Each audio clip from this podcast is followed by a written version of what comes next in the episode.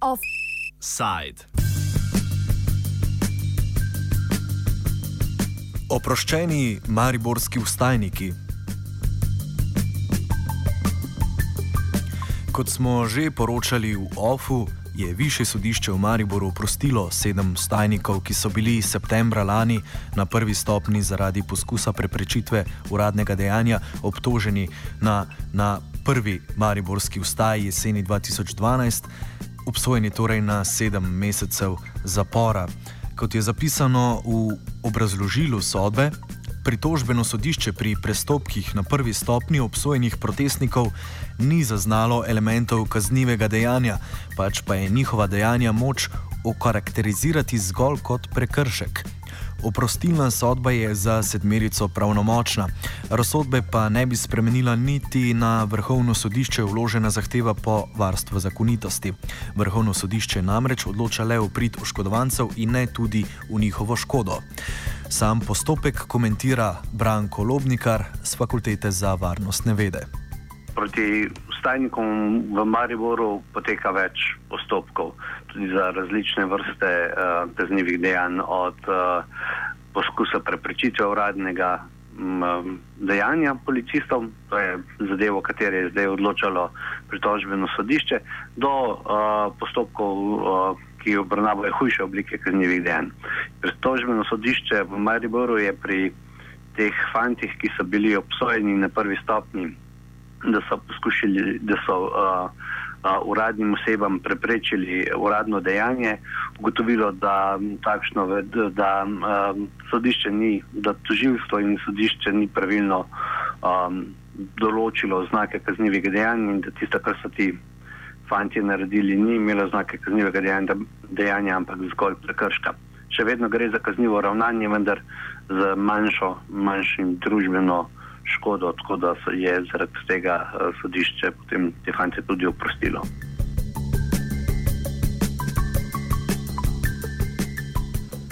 Organi pregona so na priprte ustajnike vršili različne oblike pritiska, da bi ti priznali krivdo.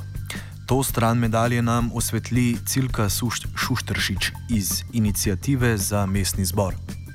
Ja, zdaj, za ta sedmerica je bila predvsem obsojena za, za preprečitev na, uradnega dejanja ali nekaj podobnega. Medtem ko so nekateri bili za, za te zametanje kotk, za in, to, in ta najmlajši med njimi, ki je imel komaj 18, 18 let, je pred kratkim priznal krivdo za to metanje, metanje kock, ne? ker enostavno psihično ni zdržal. Ne? Če nekdo, ki je eh, sledil temu procesu, je videl, da je, da je bilo uh, zelo grobo. Uh, dejansko pa, pa ti, so ti otroci z nami vredno cesti stali in uh, nič posebnega počeli in ne gre niti za prekršek, za, po mojem pojmovanju, na, ne samo kaznivo dejanje. Mm, kako pa so potekali te pritiski um, strani tožilstva, naj predvidevam? Uh, predvsem je, je zelo nekorektno bilo vodeno, potem uh, vodena bila obravnava. Uh, ja, uh, prvi vse po tistem, kar so starši pripovedovali, ker smo jih večkrat uh, tudi nastopili starši teh otrok. In, uh, je, bilo, uh, je bil že sam tisti pripor, 30-dnevni, je bil precej, uh, precej grob. Uh, mislim, niso, niso uh, imeli stikov, niso uh, jim dovoljevali kot najhujšim kriminalcem. Ne, in, uh, že, tam, že tam je, uh, so nekateri uh, popustili. Ne potem, ko so jih spustili, je pa že to, da se je to tako dolgo vleklo, ne, je to en hud pritisk za, za mladoletnika. Ne. Komentar razsodbe nam poda še Andrej Kurnik iz skupine Svoboda ustajnikom, ki trdi, da so bili obtoženi nedolžni. Ja, najprej eh, je seveda treba pozdraviti eh, današnjo sodbo višjega sodišča, ki je oprostilo vseh sedem udeležencev vstaj, oziroma tretje Mariborske vstaj, bili lanskega septembra obsojeni na sedem mesecev ječe za delikt, zapravo se ga ne da pripisati sodelovanje na vstajah, to je sodelovanje v skupini, ki preprečuje uradno dejanje uradni osebi. Zdaj, seveda, težko rečemo, kaj natančno je vodilo sodišče, da je razsodilo, kot je razsodilo. Seveda, naša skupina je skušala v vsem tem času analizirati same procese, ozadje represije in smo skušali ta naša dognanja tudi predstaviti tako medijsko, kot tudi recimo v parlamentu. Ne na zadnje smo skupaj z predstavnicami manj teh fantov tudi gostovali pod narekovajem v parlamentu, v Komisiji za človekove pravice. Zdaj, seveda, če rečemo, da so bili tudi naši argumenti pomembni, potem so, so ti argumenti bili, da so bili ti fanti dvojno nedolžni. Najprej zato, ker je policija aretirala popolnoma nediskriminatorno in arbitrarno, prav tako je določala tudi kazenske ovadbe in tudi posredovala je nediskriminatorno in popolnoma arbitrarno.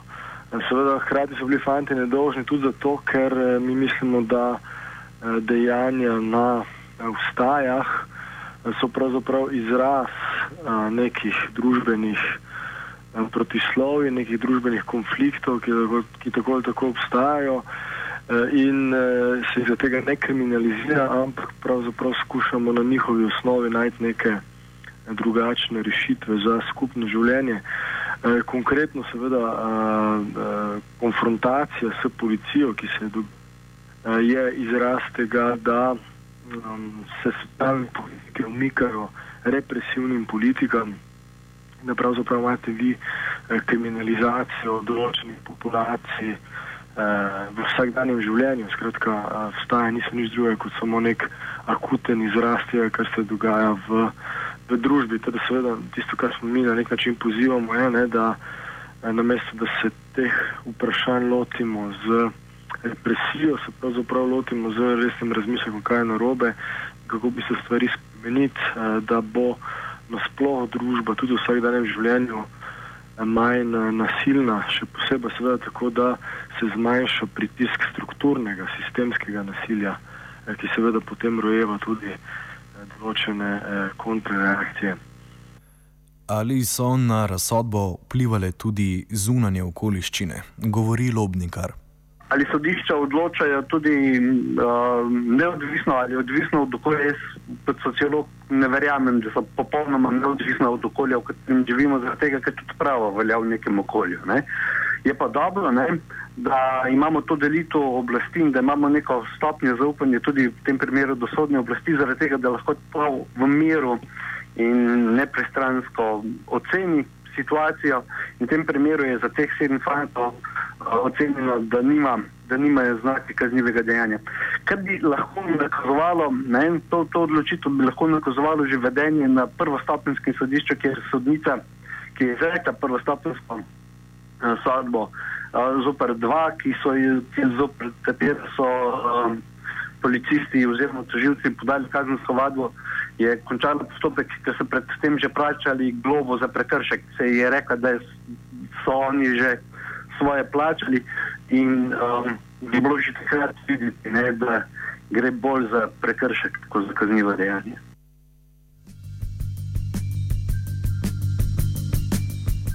Proti drugi skupini aretiranih obtoženih napada na uradno osebo postopki še tečejo. Kurnik nam komentira, kako je oziroma ni uspela kriminalizacija ustajništva. Daj, kar se tiče tega, če je kriminalizacija uspela, da se seveda težko reči. Verjetno se kriminalizacija uh, dogaja naprej, ne? stvari so se pač pomaknile iz ulic. Ne gre samo za vprašanje tistih, ki so bili aretirani, seveda imamo še vedno drugo skupino uh, fantov, ki so jih obtožili uh, napada na uradno osebo. za kar je zagrožena mnogo hujša kazen. Imeli so pred dobrim tednom predobravnavni narok na sodišču, Terica. Večina razne enega dejanja niso priznali in grejo naprej, seveda tudi tak je priznal. Po našem pripričanju in zgodbo poznamo, je to naredil zaradi pritiskov, ker pač seveda nekako zaradi teh pritiskov se je odločil, da, da se ne bo boril naprej. Ne. Skratka, ta nevarnost še vedno obstaja, istočasno pa seveda eh, mislimo, da se s to sodbo ni spremenilo dejstvo, da se eh, socialne politike, ki bi bile zgrajene na idejo polnomočenja vsakega posameznika, eh, da se te socialne politike pač umikajo eh, represiji. Ne? In to je pač neko dejstvo, ki mislim, da ga je treba eh, razumeti v kontekstu širše kriminalizacije. Eh, v, v tej družbi. Zdaj, seveda, so te kriminalizacije imele določen učinek na same vstaje. Mm, to je bil pa seveda nek poskus, da bi te vstaje postale civilne, da bi skratka nekako postale civilno-družben eh, dogodek, ne pa toliko izraz nekega ogorčenja in s tem tudi eh, nek potencial za to, da nastaja neka radikalna alternativa. Seveda vprašanje, koliko je bilo pač to eh, na nek način uspešno, da tako rečemo. Ne? Dejstvo je, da mm, recimo nova vlada Republike Slovenije priča o tem, da so poskusi institucionalizacije vstaj tudi, skratka, da se skuša nekako prenesti stvari iz ulic in trgov v institucije sistema. Hm, ni eh, nič presenetljivega, da je bivši predsednik eh, protikorupcijske komisije ki je takrat aktivno posegla v vstaje, eh, ne, da je danes minister za pravosodje.